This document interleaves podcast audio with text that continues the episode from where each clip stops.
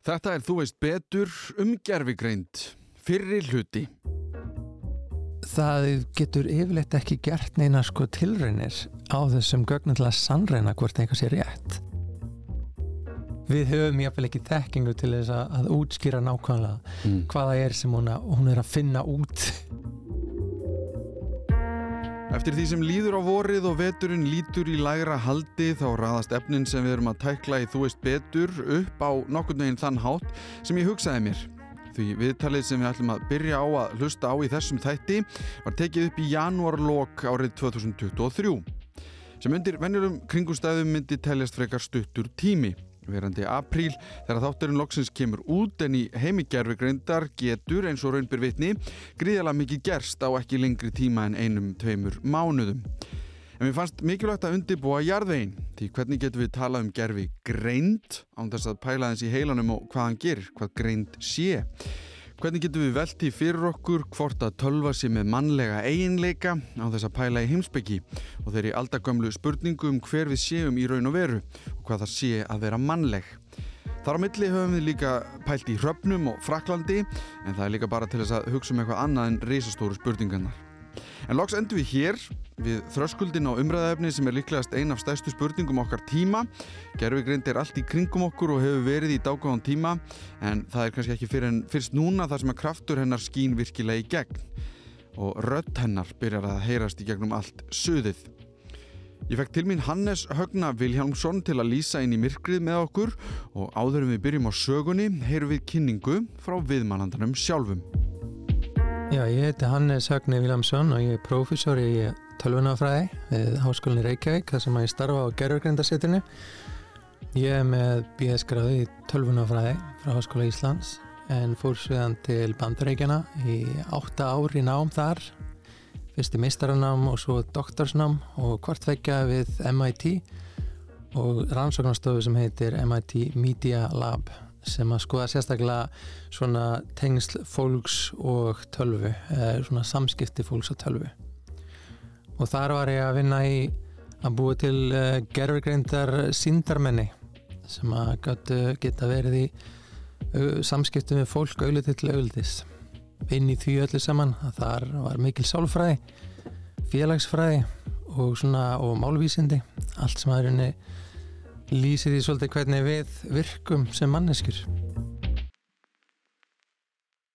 hugtæki verið til á, á, á 20. stöld en uh, í rauninni má tala um sko hugmyndir af einhvers konar gerfigreind að þær hafa verið að, að velkjast um í, í mannkinsögunni í rauninni allt frá tímum Aristotelesar þar sem við erum að tala um heimsbygginga í rauninni sko þá hafa, þá hafa heimsbyggingar allt frá tímum Aristotelesar verið að veltaði fyrir sig þá hvað mannleg greind er Mm. og hvernig við dröfum álektanir og jafnvel sko hefur mikið verið að, velt, verið að velta fyrir sér hvort það sé hægt að draga áleiktun frá einhverjum svona staðreindum og slíku með einhvers konar velrænum hætti. Í rauninni einhverjum svona hætti sem hættir að lýsa mjög greinilega og svona með einhverju svona, svona mjög skýrum hætti.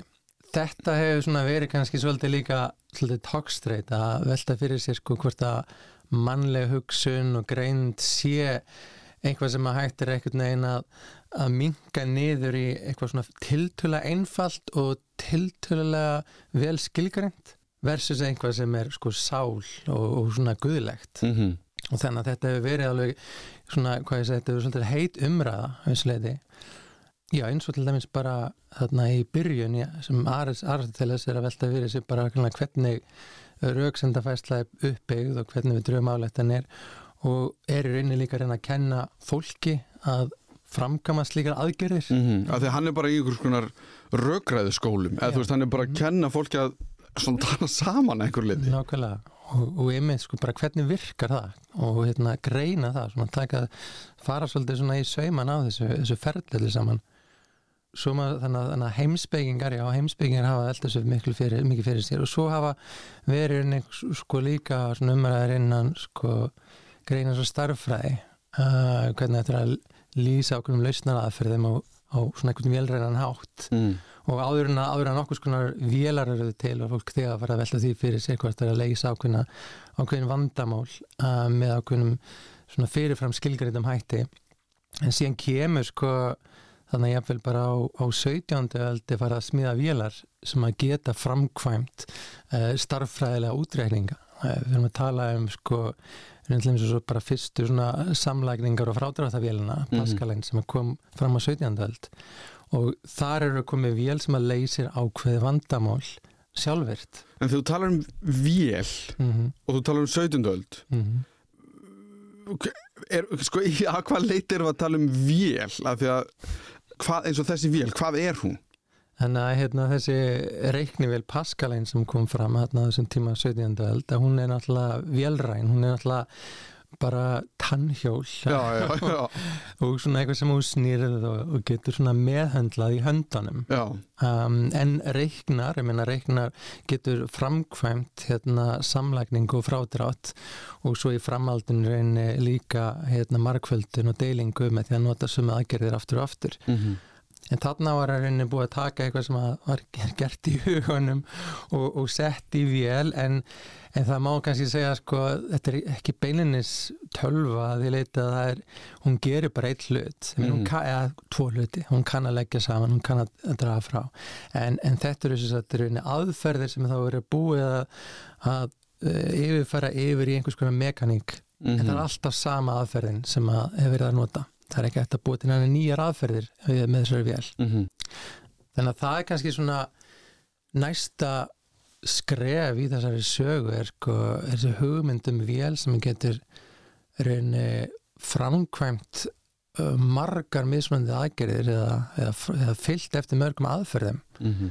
sem að einhver getur þá bara gefið þessari vél og eða útskýrt fyrir vélinni Já, já. kentin einhverja, einhverja nýja aðferð til dæmis og það er reyndar sko eitthvað sem er að fara að gerast þarna bara á, á 19. öld uh, þú veist, áður en við erum komið pillins með tölfur að þá er farið að velta fyrir sér sko, er hægt að smíða svona vél það sem hægt er bara að lýsa einhverja aðferð og hún getur fyllt þessar aðferð, hún getur framkvæmt þessa, Mm. aðgerð sem ást að lýsa fyrir henni og þá er oft talað um að hérna vél sem að Babbage uh, starffræðingur hannaði en smíðaði vís aldrei Mm. Hafi einmitt haft þennan eiginleika að það var hægt að hérna, lýsa aðferð fyrir henni og hún gætt framkvæmt þessa að, aðferð, hún gætt fyllt þessa aðferð og þetta var henni svona sko fyrsta hönnunin á því sem við myndum kalla kannski forritanlegri tölvu uh, þannig strax á 19. eld sem er pínu, þetta virkar pínu eins og kenning sem hann næri ekki aðlega kannski að sannreina að vissuleiti en það var líka ákveðin verkfræði í þessu að því að hún var byllinis bara að vera búin til sko teikningar af, af þessari vél. Mm. og jú, það vissuleiti vera náttúrulega kenningum að hérna, með því að gera hlutin með ákveðnum hætti að þá allt í einu þá opnast það nýr möguleiki. Já, kannski svolítið til að sannreina uh, þessa kenningu að þá var hérna annars nýrlingur uh, náttúrulega Lovelace, Ada Lovelace sem er talin svona fyrsti forritarinn uh, hún tók þessa hönnun og velti fyrir sér hvað getur við þá leist með þessari vél og hún hreinlega skrifaði á blað forrit uh, sem að gæti list ímis vandamál sem að myndi þá keira á þessari vél þegar hún er tilbúin og með því að fara svona mjög hvað ég segja skipula, nálgast þessa, þessa hönnun mjög sk- með skipulum hætti að þá gæti hún skrifað forrið sem að listu ákveðin vandamál sem að reynlega sko aðra vélar hefði ekki getað gert fyrir, en þá. hvenær er það? En þetta er sko þarna bara í kringum 1850 eitthvað Já, svoleiðis, þetta er ekki, já, einmitt miðja 19. eld. Þannig að við erum frekar langt frá þarna einhverju sem við í dag köllum tölvu af því að það, meina, transistorinn er ekki komin og Já. það er ekki komin eitt Já, já, algjörlega og þessi, þessi vél sem var náttúrulega hönnu þarna þessi, þessi sem vél sem er á analytic, uh, analytical engine að þetta er, já, þetta eru svona þetta eru mekanísku vélar. Mm -hmm. en þarna er sem sagt líka bara að vera að velta sem sagt, hvað geta vélar gert? Hvaða hluti greindar og allt þetta sko er um, er vélræn? Uh, og, og þarna var fólk náttúrulega í þessum pælingum bara sko þú veist, er, þetta- er hægt að smíða vélar sem að geta gert meira en bara að reikna til dæmis? Og hugmyndin jáfnvel með þessari analytical engine sem að Babbage hannaði fórum mun lengra heldur en bara að hugsa um hana sem reikni vel heldur var henni velta fyrir sér sko gætun sami ljóð eða skrifa texta eða gert eitthvað svona. Ok, við erum strax, við erum strax fyrir að velta þessu fyrir okkur sko. Já, við erum bleimit að, að gera það en, en samt sko þetta byggir samt svolítið á þessari hugmynd að þú getur líst einhverja aðferð og, og, og fengið á þessari vél til þess að, að fylgja þessari aðferð. Mm -hmm og það var reyni síðan á frekar snemma reyni á 20. stöld sem að, sem að það var haldið áfram með þessa hugsun sko, hvaða einleika þarf reyni vel að hafa til þess að geta framkvæmt og fyllt eftir aðferðum sem að við lýsum fyrir þeim mm -hmm. og það var hérna Alan Turing sem að skoða þetta sérstaklega og ég ætla að benda, ef fólk veit ekki hver hann er þá er alveg þess virði að kynna sér það enn frekar Algjörlega, sko, hann er alltaf algjör snillingur á, á svona sviði tölunafræði og um, starffræði og hann var að velta fyrir sér einni þá er myndið hvaða eiginlengar er það sem að svona vél þarf að hafa til þess að geta framkvæmt hvaða aðferðið aðgerðir sem að maður getur líst fyrir henni mm. Og hann er einni útskýrðið bara með því að búið til vél sem að getur uh, gert nokkra hluti, þetta er ekki flóknir hlutir í sjálfum sér, þetta er að, að lesa og skrifa og muna í rauninni. Mm. og, og svo kannski að, að bera einhvað saman og taka eina ákverðin uh, svona grunnvél að hérna ef, ef þessir aðgerðir eru til staðar að þá geti slík vel framkvæmt hvaða aðferð sem er og þetta er mjög stórt til orða tekið. Að hérna svo fremi að við getum líst aðferðinni Já.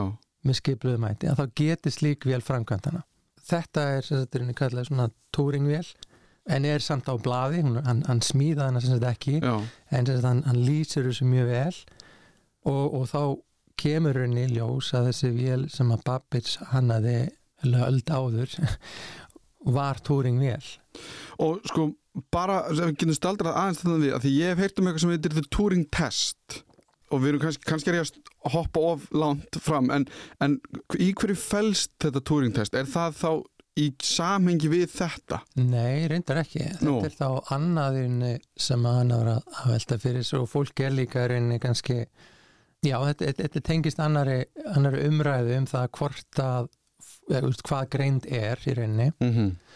Túringtest er reyni þannig hugsað að þú getur látið mannesku reyna að greina á milli gerfugreindar og raunvöldara greindar Einmitt. með því einu að eiga í samskiptum við þessa vél mm -hmm. annars vegar og eins og mannesku og að þú getur þá og þarna var hugmyndin að þú væri bara í skriflegum samræðum við Mhm. vélina Mm -hmm. þú myndir skrifa einhvað á, ég veit það ekki, líkla borðið að reyndu eða eitthvað það væri sendt, sendt vélinni, vélin myndi eitthvað að vinna með þetta og senda tilbaka svar um, annars vegar væri með sendt vélina og hins vegar væri með mannesku sem sendi svarið tilbaka Einmitt. og þá er bara spurningin er getur greint að milli vélarinnar og manneskunar Mm -hmm. og að ef að þú getur ekki greint munin að þá sérturinn komin þarna með vél sem að getur litið út fyrir að vera manneski og þar, að, þar með er síðan orðin gerfigreind Já, ok, Þa, þetta var kannski smá útutúr, ég bara mundi eftir túringtestinu, það, það var alveg hérna einhvern veginn meitlað inn í hausin á mér. En hann, hann kemur með uh, þessa pælingu, var með, með tölvuna sem ætti að geta framkvæmt hvað sem er. Nákvæmlega. Og, og þetta, er, þetta er þá 1900 og þú sagðir kannski, kannski öld áður þegar hann var hann að 1850 erum við að tala um eitthvað eftir setni heimstyrölda því hann er kannski líka þar daldið öflugur Já, sagt, sko, þannig að, þannig að þessar hugmyndur um vélarnar sem að Babbage var að vinna með var hann á, á 19. öldinni og svo er að tala um svona fyrir hlutan á 20. öldinni sem að Alan Turing er að, er að skoða þessa hluti og kemur fram með svona þessa Turingvél sem er líka bara hugrænt líkan en svo kemur náttúrulega setni heimsturöldin og, og þá fyrir allt í gang með að smíða vélar Mm. uh, sem að geta framkvæmt ymsar nýjar aðgerðir og eru þá kannski einhvers konar svona útfærslar á túringvélum mm -hmm. þannig að við erum að tala um kannski kringum 1940 til 50 er þessar vélar að verða til uh, raunverulega vélar Erum við þá spyrjuð að tala um artificial intelligence? Við... Nei, ekki alveg strax Ok. en samt mjög fljótlega því að um, þessar vélar, þessu reiknafli uh, eru þarna að vera til mestmægnins í kringum um hernaðabröld og, og útreyninga í kringum það mm -hmm. en svo er það uh, kannski þá svona tímabúndur sem er kannski talað um sem svona upphaf uh, gerfugreindar sem sviðs að það sé smá svona fundur eða ráðstefna sem var haldið í Dortmouth um, í kringum árið 1956 mm -hmm. þá eru nokkri einstaklingar, nokkri vísindamenn að velta fyrir sér sko hvað getur við gert við þessar vélar hvernig getur við gert þar greindar mm -hmm. og það er svolítið unni kannski útfraði líka þessu sem að Turing var að tala um að það væri hægt að búa til einhvers konar tölvu sem getur framkvæmt hvað sem er mm. og þá var að spurningin getur við rauninni yfirfært þá getur við líst greind með það góðum hætti Mm. skilvirkum hætti að svona vél getur þá hermt eftir slíkri greind Mm. mannlegri greind og það var útgangspunkturinn í þessum á þessari ráðstefni var í rauninni akkur þessi að, að þetta fólk þá í rauninni trúði því eða, eða McCarthy sem var í rauninni kallað á fundin hann trúði í rauninni því að það væri hægt að lýsa mannlegri greind Mhm. með þessum skýra hætti. Uh, svo skýrum hætti að tölfur gætu hermt eftir þessari greind. Og þar með talin sko eiginleikin að geta lært. Þeir voru að tala um að við getum líst lærdómi það vel Mm. að tölfur geti nú farið að læra sjálfar. Og þetta var, var mjög Þetta, byr, þetta er smá eh, er áhugavert af því að á sama tíma eitthvað þetta er að fæðast kannski hugmyndun um gerfigreind þá eiginlega verður til nánast annað vandamál sem er þá þurfum við að læra meir um sjálf okkur eða hvernig við sjálf virkum. Það er mjög áhugaverið punktur einmitt sko að hérna og röngum okkur sem segja í gegnum allt, allt þetta ferli hefur og hefur alltaf verið að skoða okkur sjálf einmitt og reynda einhvern veginn að að taka eitthvað sem er sko er okkur rosalega mikil ráðgáta einhvern veginn og setja þessa ráðgátu fram með einhverjum mjög skýrum hætti. Og já, þetta er alveg þetta er, þetta er mjög áhugavert. Og þarna alltaf dæmis eins og bara hvað hvernig lærum við? Það er eitthvað mjög snúið sko. það er einmitt það, það sem ég hugsa að þú byrjar að segja þá hugsa ég að býta ok hvernig byrjar maður að setja einhverjar hendur á eða, eða já, skýra það ok, býtu, hvernig lærum við af því að það er bara spurning sem að ég geti gert annan þáttum eða eitthvað Og hérna nefnilega er, má kannski segja að þarna í kringu 1950 til 60 þá er líka verða strax til í rauninni svolítið svona andstæðar fylkingar hvað þetta varðar Mm. með hérna hvernig við rauninni búum til þessa vélar og, og hvað er geta gert sko. þegar við erum að tala um þessa svona, já, fyrirluta 20. aldar og, og svona þessi hugmyndum að geta búið til lýsingu á einhverja aðferð þá er það eitthvað sem er gert í höndanum það er þá rauninni það sem við kallum forritin Mhm. mm. þú, eða, eða búið til reglur þú, þú lýsir einhverju með mjög góðum og skýrum hætti og, og lætur þessa lýsingu inn í tölvuna og hún getur síðan framkvæmt þetta mm. Um, og þá er þetta alltaf hugmyndunum að sko bara, við þurfum bara nógu sko ítala lýsingu, nógu góða lýsingu á hlutnum og, og tölvan getur framkvæmt þetta eins og með Alan Turing-vélina en þá erum við náttúrulega að koma svolítið sko, þá erum við náttúrulega að segja þá, þá er tölver vinna fólkin í því að búa til lýsinguna, að Mm. búa til forritið en þarna í, í kringum 1950-60 að þá verður til svona svolítið svona önnur reyfing í þessu er hvað ef við getum búið til tölvu sem að læra aðferðina sjálf. Uh, hver getur við líka leitað með sko hver- hvernig svo tölva gæti litið út? Hvernig, hvers svona tölva er það sem gæti lært sjálf? Og það var uh, meðal annars uh, Marvin Minsky sem að var að skoða uh, svona að það að nota líkun af, af taugum til þess að búa til tölfur og hann í rauninni notar svona ákveðnar svona hugmyndir sem að koma úr, úr taugalífræði það sem að var verið að, að leika sér með að búa til svona sko lítil tauganet sem eru kölluð sem er í rauninni hvernig heilin er uppbyggður Mhm. uh, af, af, af, einhverjum sko biljónum tauga Mhm. sem eru tengdar saman og, og þessi merki sem er að dreifast um, um netið í heilanum einhvern veginn úr þessu öllu saman verður til hugsun og verður til þessi eiginleika við lærum þarna strax þarna kringum þá mm, 1950 og 51, 52 þá er að vera til einhvers konar fyrstu tölvunar Mhm. sem að byggja þessari hugmyndum Einmitt. Þannig að við erum pínu byrjað að byggja þetta á okkur sjálfum, hugsaum, ok, við höfum einhver hugmynd um hvernig við virkum, kannski byrjað, kannski geta tölvur virkað eins, af því að náttúrulega á þessum tíma, ég og þú erum með síma, við erum öll með síma og eitthvað sem eru með hundrafalt meira afpleldur en nokkuð tíman einhver tölva á þessum tíma, þannig að þetta er náttúrulega tækninni líka dálítið að halda aftur að, Já, já, nákvæmlega, það er akkurat það sko. en kannski bara þess að bara aðeins að hérna líka bara, ég held að það, þarf að vera að vera svolítið kristaltært að það eru þarna svona þessar tvær fylkingar eða svona tvær hugmyndir um, um hvernig tölvuna geta orðið gerðugrindar mm -hmm. það er svo til annars er þetta með að við bara gefum þeim góða og skýra lýsing á einhverju, einhverjum greindum aðgerðum og þær geta framkvæmt þær. Og hins vegar er þetta með að bara kannski er þetta heili og við bara búum til heila sem lærir.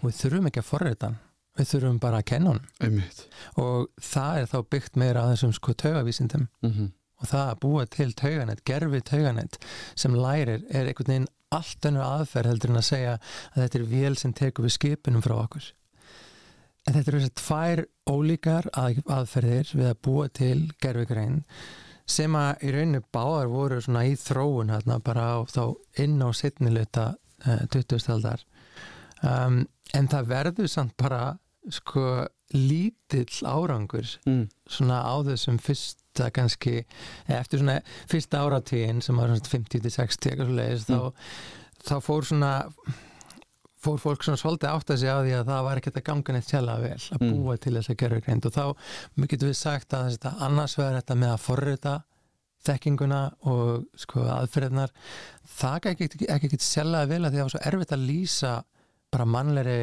greind með það skoðum hætti, ég meina hvernig lýsum maður bara yfir höfuð að geta átt í samræðum til dæmis?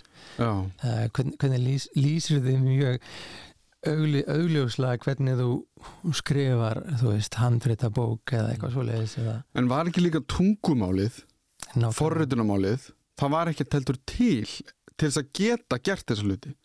Forritunarmálinn komu í rauninni frekar snemma. Mm. uh, til þess að bara rauninni einhvers konar formleg lýsing á aðferð sem hægt var að mata tölvurnar á Mm.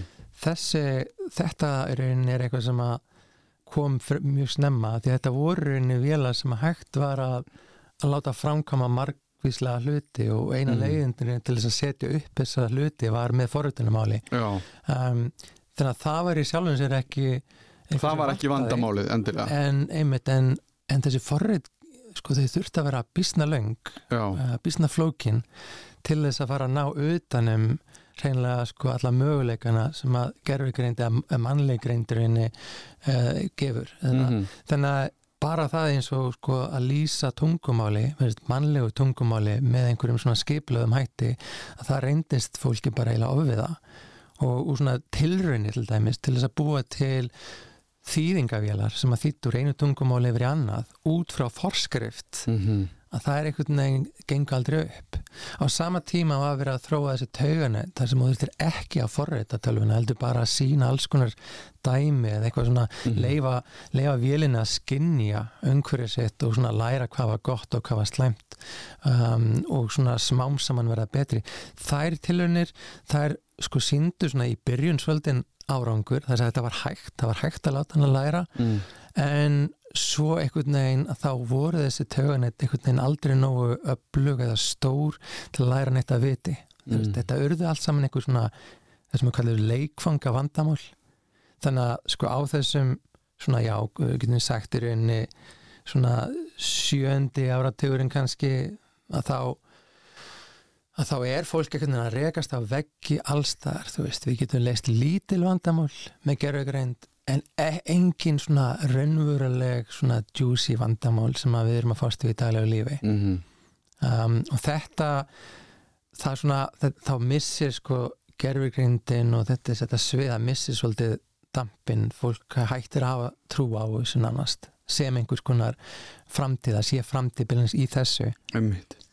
en það má segja þetta, það sem kannski svolítið bjargaði sviðinu eða svona gerfugreinda sviðinu var að fólk hætti þá reynlega bara að ímynda sér að gerfugreindin geti gert allt eða getur gert það sem manneskan getur gert. Mm. og fór svona meira að einbeita sér að því að búa til það sem er kvöldur svona sérþekking. Segjum bara til dæmis að búa til vél sem að getur leist eitthvað ákveði vandamáli innan læknisfræðinar eða einhvert verkfræðilegt vandamál. Mm. um, eða vandamál innan efnafræði einhver greiningar vandamál þegar fólk voru að átta sig að það gæt kannski tekið eitthvað svona ákveðið sérsvið mjög afmarkað og búið til reglur sem að lístu einhverju svona ákveðna tökaförli innan þess fiðs um, og matað vélar á því og lota sér vélina til þess að draga áleiktanir uh, út frá þessum reglum þá allt í svona opnaði svona hvað ég segja, opnaði svolítið svona nýri möguleiki á að, að hérna, beita gerfugrind uh, með einhverjum svona nýtsum hætti að því að Mm. vélarnar á þeim tíma eins og hérna á sjönda og áttunda áratug þú veist, þær voru gáttu framkvæmt þessar aðgeri hraðar en manneskjur Mm Þannig að, og, og jafnvel sko að því að ef, ef reglurnar voru það vel settar upp og, og náðu ve, nógu vel utanum eitthvað ákveði svona, svona eitthvað ákveði efni að þá var jafnvel sínt fram að, að vélarnar gáttu komist að réttari niðurstöðu hraðar en sko fólk sem var að byrja á þessu sviði þessu sérsviði sjálf þannig að það var raunin hægt að tefla fram tölfunni sem sko ódýrari og hraðverkari leið en fólki. En það var í mjög sérhæðum verkefnum. En þannig að þetta er líka einhvers konar sjálfvirkni kannski sem er komin á stað þá. Að það, það er alveg sko einhver laust kannski líka fyrir fyrirtæki að þú veist þetta er alveg eitthvað svona nýtsamlegt ekki bara einhver pælingum getum við búið til Já, tölvu sem tala við okkur eða eitthvað? Já einmitt. Og sagt þegar það búið til þessar, þessar vélar svona sérfræði kerfi eða sérfræðinga kerfi að þau eru byggð algjörlega á því að taka einhverja þekkingu á sérsviðinu sem að liggur því hjá sérfræðingum fólki mm. eh, skrifa upp þessa þekkingu með einhverjum svona mjög vel skilgrendum hætti af nokkus konar forrit eða sapna reglum mata tölvuna þessu sem að síðan getur unnið margvalt hraðar heldur en manneskja Mm með þessar reglur og auðvitað algjörlega sjálfvirt þannig að við þurfum rauninni ekkert að eigðan inn um klukkustundum yfir henni, hún bara malar sko uh, og kemur síðan með svar Mhm. og getur útskýrt svarið líka, hún getur sagt ég lotaði þessar reglur uh, til að komast að þessari niðurstöðu Mhm. og þannig var hægt að lappa inn í rauninni ímus stór fyrirtæki og selja þeim hreinlega vélar sem að bara, já, nú eru nú getið þið sparað eitthvað sko tíma og, og peninga Mhm. að því að fá eitthvað svona sko sérfræði kerfi, svona gerfigreind sem gerir þetta fyrir ykkur. Um, þannig að það kom svona aftur svona svolítið meiri áhugi á gerfigreind þarna á kannski þá í rauninni áttunda og níunda áratögnum Mhm. og það er líka, ég hugsa bara því ég fæðist 86 sko og ég er á brimbrettinu í öldunni þar sem að tölfur verða kannski meira það sem við þekkjum. Já, og þessi þróun verður allt í einu alveg skuggalega hröð af því að á þessum 36 árum hefur svo ógæðislega mikið gerst í þessu, á þessu sviði að einhvern veginn hugmyndina sem við erum búin að vera að tala um verða allt í einu aðeins geranlegri bara næstu með hverju árunu sem líður. Já. Og er það tilfellið? Er veginn Já, nákvæmlega, það er ennblega tilfellið að sko þótt að svo tækni sem kannski kom gerðurgrindinni aftur inn á sjónarsvið hafi verið þessi svona tækni kringum eh, það að geta kyrt reglur og, og allt þetta og svona fyllt forskrift og gert það bara hratt og vel þá kom aftur þessi sko hugmynd með tauganetin hún kom aftur inn svolítið aðeins kannski setna Mm. kannski svona meira tíunda áratögnum að hún er aftur að koma inn svolítið stert af því að vélbúnaðurinn er farin að vera það góður að þú getur kert sko stærri og stærri tauganett mm -hmm. Það fara aftur sko koma fram ýmsar hugmyndur um það hvort að tölvurnar gætur hérna ekki bara lært þessar reglur sko bara upp á sitt einstæmi um, og hún þær getur bara hérna skoðað svona uh, gögn af einhver ákveðnu sviði og svo bara fundið út í hvað er í gangi og, og þar með bara fundið líka út í hvernig, hver besta greiningin er á ákveðnum aðstæðum. Og það fer einhvern veginn að koma miklu hraðar inn með betri tækni en líka betri skilningi á ákveðnum hlutum starffræðinar eins og tölfræði hvernig það allt saman nýtist við að taka ákvarðanir um, þetta síðan sko nær mjög miklu flugi núna á 2001. öldinni þegar við erum farin að sjá tvo hluti gerast og það er annars vegar að það er sko vélbúnaðurinn alveg hreint tekur stökk, gríðalegt stökk bara í reiknafli mm -hmm. og það eru búin að tilinni nánast ofur tölfur sem að taka ekki lítið mikið pláss. Og mikið hluta, miklu hluta að þá hefur súþróun verið svolítið reygin áfram af hérna, tölvuleikjum. Og því að, hérna, að geta teikna rætt á skjáin okkar mm -hmm. einhvað sem að lítur út eins og veruleikin en þetta eru reynin lillar ofurtölfur uh, sem hættir að gera framkvæma marga reikninga samtímis. Og það er einmitt þannig sko nálgun að geta gert marga reikninga samtímis sem er alveg frábært fyrir svona tögunets útreikninga. Mm -hmm og það er að fara að keira þessu stóru tauganett bara á vennilegum tölvum. Og svo tengja margar vennilega tölvur saman í stærri svona ofurtölfur mm -hmm. þetta reikna hækkar á sama tíma að þá er aðgengja gögnum að aukast líka rosalega. Internetið er svona svolítið svona rúa af mann, sko, öllu mannlegu sem við bara sópum þar einn og þetta er allt saman einhvern veginn geimt og uh, að auki að þá að vera að geima alls konar upplýsingar um gögnin með gögnunum eins og bara það sem að það sem að vera að geima myndir, það að vera að geima hvað er á myndina, að vera að geima texta sem lýsir myndunum svo framvegis. Þetta er svona einhvern veginn byrjar þá að vera efni viður fyrir tauganetin að reyna að finna út í hvað er í gangi í gögnunum. Og það er einhver svona þróun sem hefur ræðið sér stað núna sístu 20 árin og sérstaklega hratt núna sístu 10 árin er bara að þessi hugmyndum tauganetin að hún er fyrir að skila einhverjum svona árangri sem að, sem að fólk einhvern veginn bara, þú veist stendur að agdafa fram með fyrir. Að vélarnir er farin að draga áleitin og, og, og tala um hluti eins og það hafi djúpan skilning á þeim án þess að einhver hafi beinleginnins forritaðir til að gera akkurat þetta.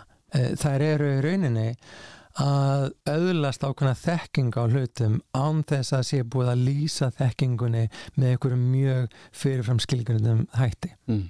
eða forritaði með einhverjum skilgjörnum hætti og þetta er rosalega magna, kannski bara til þess að reyna átt að segja aðeins á þessu minna hvað er í gangi að þá erum við eiginlega að segja að, að þessi tauganets tölfur og þessi djúb tauganet sem hafa verið mikið umræðið á síkastið ganga svolítið út af það að tölvan eða þessi net að þau eru að reyna að átta sig á alls konar minnstrum í bara alheiminum eða heiminum sem að, sem að byrtist þeim í gögnunum mm -hmm.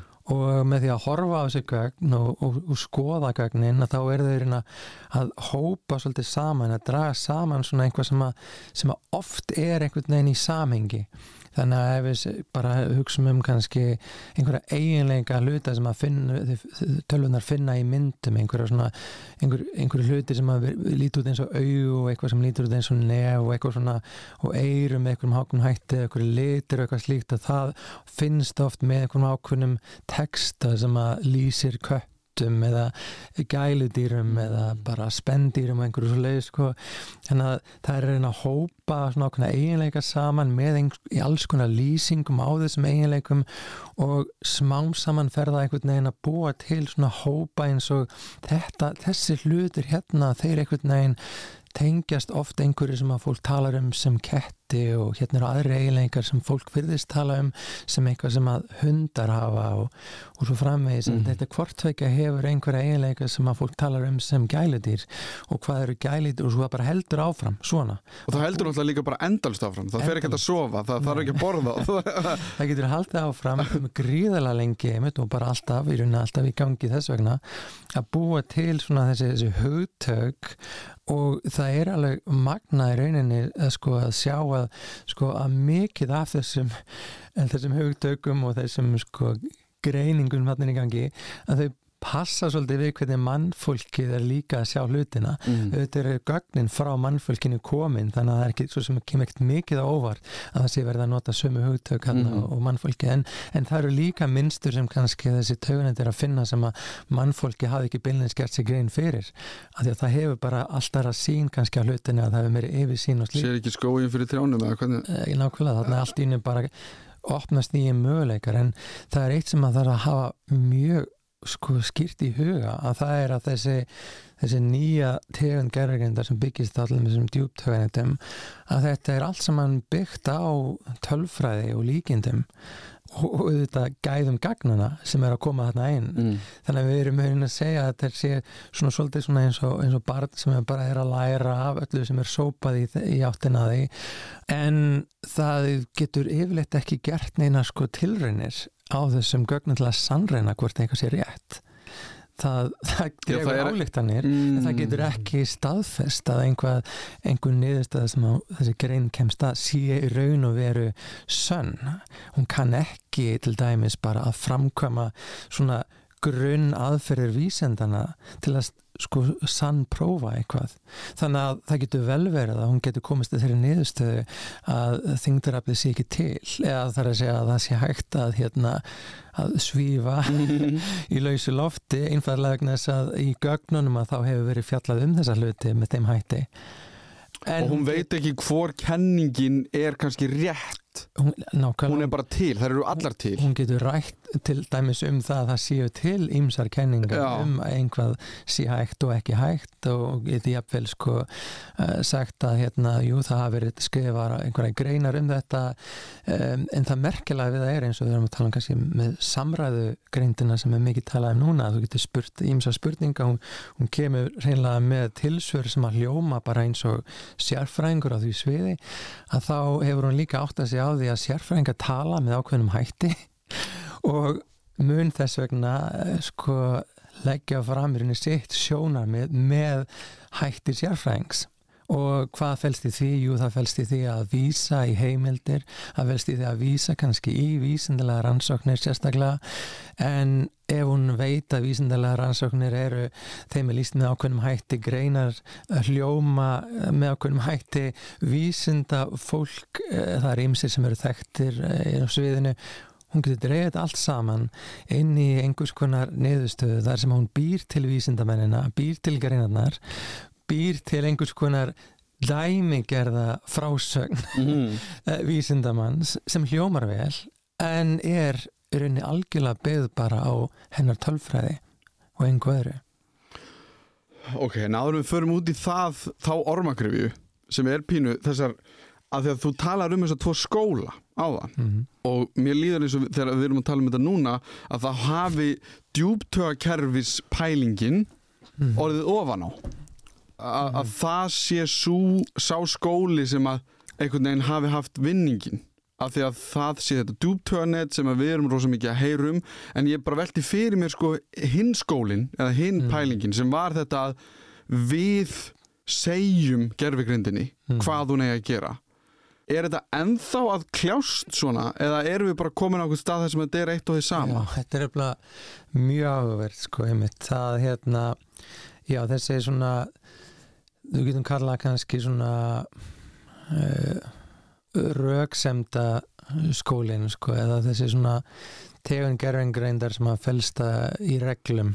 Þetta er svona við stjórnum eða við leifum Mm. þeim að Já, menn við stjórnum en þegar þegar við segjum að við stjórnum að þá erum við að tala um að, að við rauninni gefum þeim einhverjar reglur til að fara eftir en síðan geta þær rauninni sjálfar mm -hmm. velt fyrir sér öllum þessum reglum uh, og dregi nýjar álítanir sem að við gerum ekki ráð fyrir að þið myndu gera en Mm. er einhvað sér sko byggt á þessari svona hvað getur við kallað svona haldbæru þekkingu Mhm. sem að við höfum veitt þeim Kannski- hugsa maður kannski svolítið þannig að við séum þá að gefa tölvanum haldbæra þekkingu og reglur sem það geta unnið út frá en svo geta þær sjálfa dreigð áleitanir og með rauksendafærslu sem við höfum ekki séð fyrir Mhm. en þær eru samt sannanlegar uh, út frá þessum regluverki sem við gefum þeim þannig að já, þau kerfi urður rosalega sérhæfð og við bara einhvern veginn við reyndum og reyndar að búa til sko góð regluverk sem að til dæmis lístu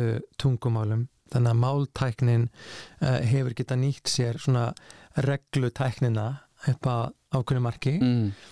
fljótlega var farið að skoða tauganetin til að leysa svona aðeins floknari mál, uh, viðfangsefni innan máltækni eins og dæmis að, að skilja uh, tal eða að, skri, að skilja skrifað skrifið orð, skrifaða staði eitt af því sko fyrstu vandamálum sem að tauganett voru mjög góðið að leysa var heimlega bara ákveða hvort einhver skrifaði stafur var A eða B og gæti að flokkað svona það sem það sá mm -hmm. strekin sem það sá í Mm. þessa tvo flokka, þetta er A, þetta er B mm. um, þannig að það að nota tauganett með síðan reglukerfi sem að sko reyndi síðan að átta sig á því hvaða orð þetta væri eða eitthvað slíkt eða þetta átta sig á málfræðinni.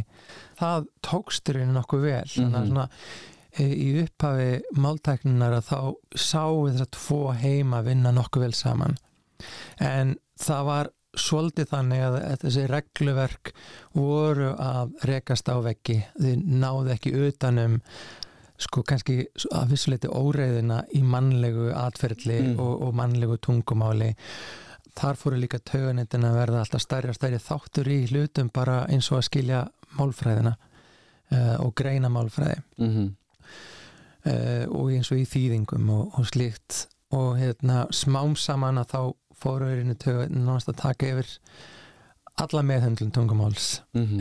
um, og eins og við sjáum síðan í dag að þá er það komið bara á það steg að við, okkur finnst við geta verið að ræða hreinlega við þess að gera greind á náttúrulegu tungumáli.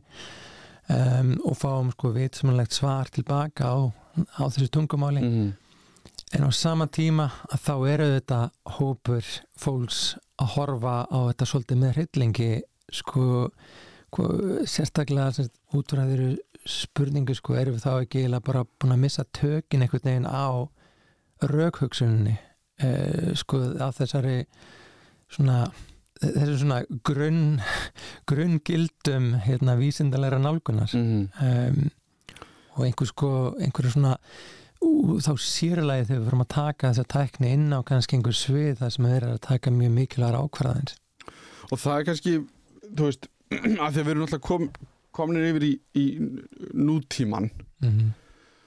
og um, að að þú fóst yfir í þennan hrylling, eða þú veist þessar pælingar að því að ég held að mikið af okkar þekkingu sé byggt á eins og oft kvikmyndum eða þáttum eða Mhm. hvernig handritshöfundar upplifa einhverjar pælingar og þú þarf bara að horfa á Kristoffer Nolan mynd og þá svona sérðu hvað hann er að pæla með skamtafræði eða eitthvað þegar gerfigreind einhvern veginn verður þetta hugtak sem að við þekkjum og kannski fólk er bara að byrja að nota að það er komið í tækin okkar og, og það er komið bara svona rosalega nálat okkur að þá verður til þessi hugsun sko hver er að stjórna?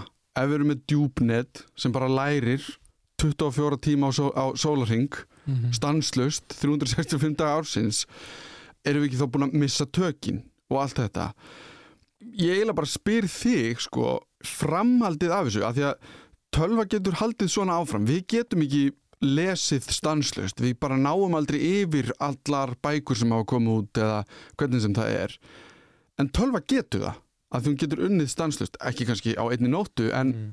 hún gæti lesið bara allar bækur sem eru á stafrannu formi að minnstakosti og bara tekið inn alla þekkinguna í fyrsta lagi er hún að læra eða er hún að herma Mhm. mér finnst þetta dálítið mikilvæg spurning sko að því að, að því nú erum við komin í hvað er greind og eitthvað. Mhm. við sem mannfólk, að því ég var að tala með Pétur Henry um heilan við lærum og við lærum af því að horfa á annað fólk, við lærum af því að lesa bækur og næstu því lærum hegðunina af bókinni. Og við kannski hermum einhver liti en við tökum það inn og við einhvern veginn gerum það okkar. Þannig er tónlistasköpun og bara mjög mikið af bara allskynsköpun og eða öllu sem við gerum það er einhvern veginn við tökum áhrif allstaðar frá og einhvern veginn gerum það okkar kannski spurningin sem ég er að vandrast með er einmitt þessi, sko, erum við komin á einhvern stað þar sem þetta er orðið greint? Eða erum við ennþá í þessu þessari eftirhermu, erum við í þessum promptum sem við erum að gefa og tölvan er bara eftir okkar höfð? Við þurfum alltaf að segja, já þetta er rétt. Eða hvar erum við stödd varandi það? Já, þetta er líka ákveðin spurning sko með líka hvað er greind og er það rótna gerfi greindar og slíkt. En það má í rauninni segja að, að sko þær hafi fyrir löngu síðan verið orðnar greindar þessar vélar sem að gátu farið að gera ímsa hluti sjálfvirt og, og draga áleitin jafnvel þessi reglukerfi voru þannig uh, greind að þær gætu komið, komist að niðurstöðu uh, með rauksendafærslu sem að sko fyrir þann tíma voru sko fólk gæti ekki ímynda sér að það veru vela sem gætu framkvæmt raukendafæslu með þessum hætti sem að tölvuna gerðu á fyrstu áratugum gerðurgendar en það sem við erum að tala um kannski núna og margir í rauninni eru að tala um þá sem gerfugreind sérstaklega núna er þessi sjálfverki lærdómur. Að þessi lærdómurinn sem að sé það sem er greindir Mm. utur í þessu. Það má ég alveg segja að það er náttúrulega að lærdómurinn, þessi sjálfvirki lærdómur er eitthvað sem er í dag sko orðið svo gríðalega öflugt að við getum farið að tala um það sem greind og ekki eitthvað sem að er sko fyrirfram ákveðið hvað, eh, hvernig tölan vinnur úr. Og já, hún er að læra.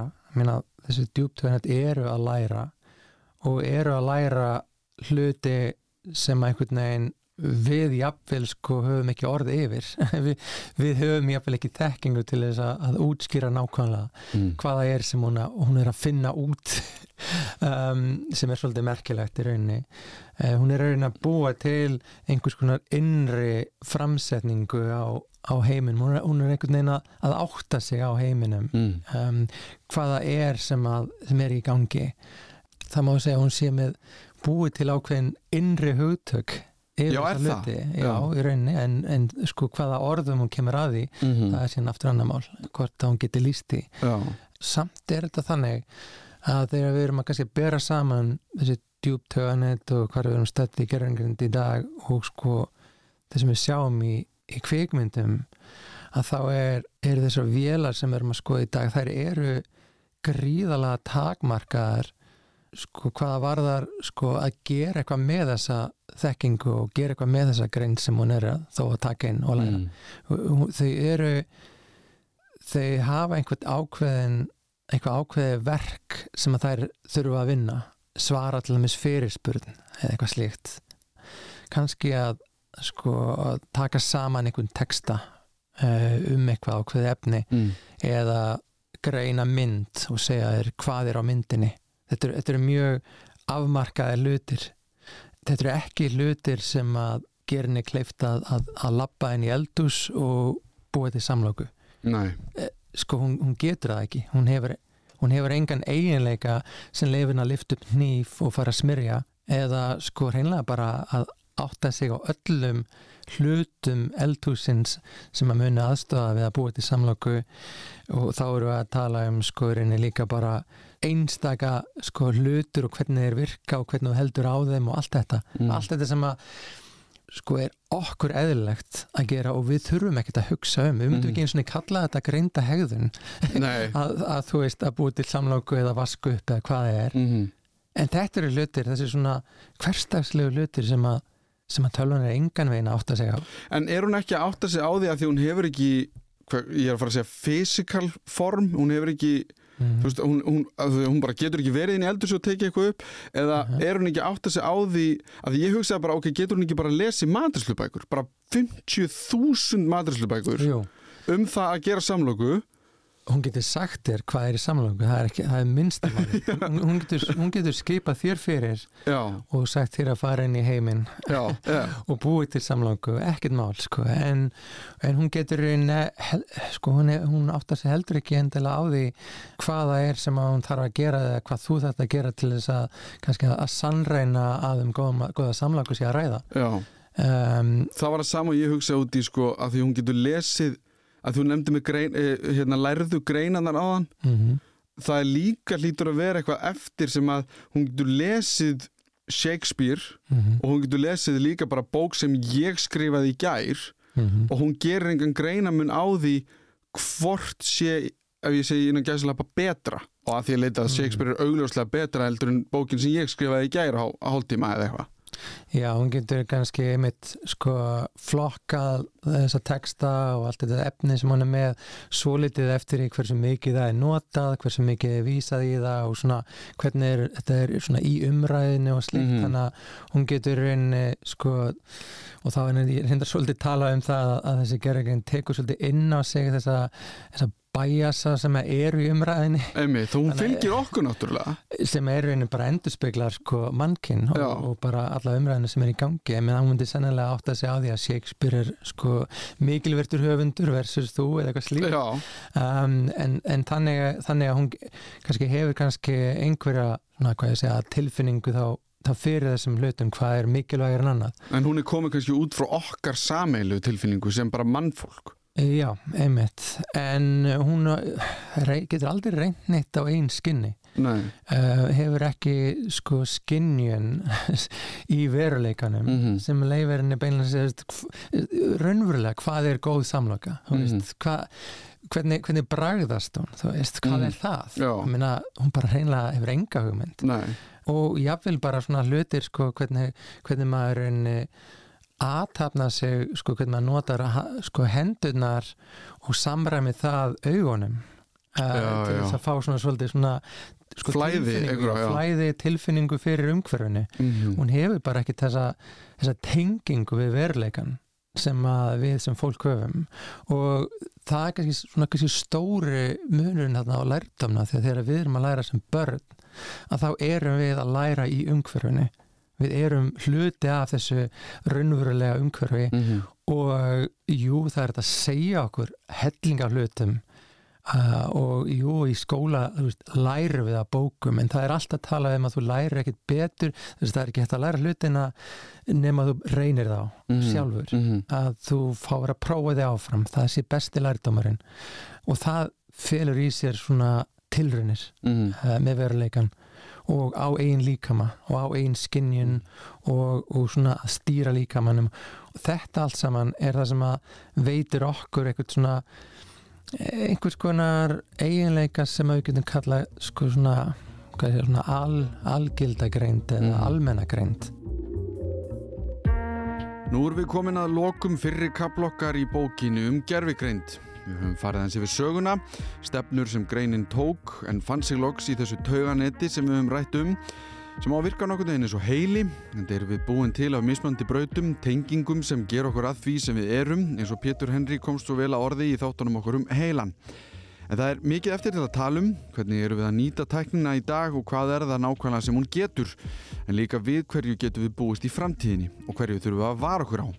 Þessum spurningum munum við meðal annars svara í næsta þætti en kvílum okkur í byli. Ég og Hannes Högni tökum á móti ykkur með meiri gerfugrænt eftir viku en þanga til minni ég á postin minn allimarat.ruf.is ef það er einhverjar spurningar eða ábendingar. Ég heiti Allimár Steinarsson og þetta var Þú veist betur um gerfugrænt.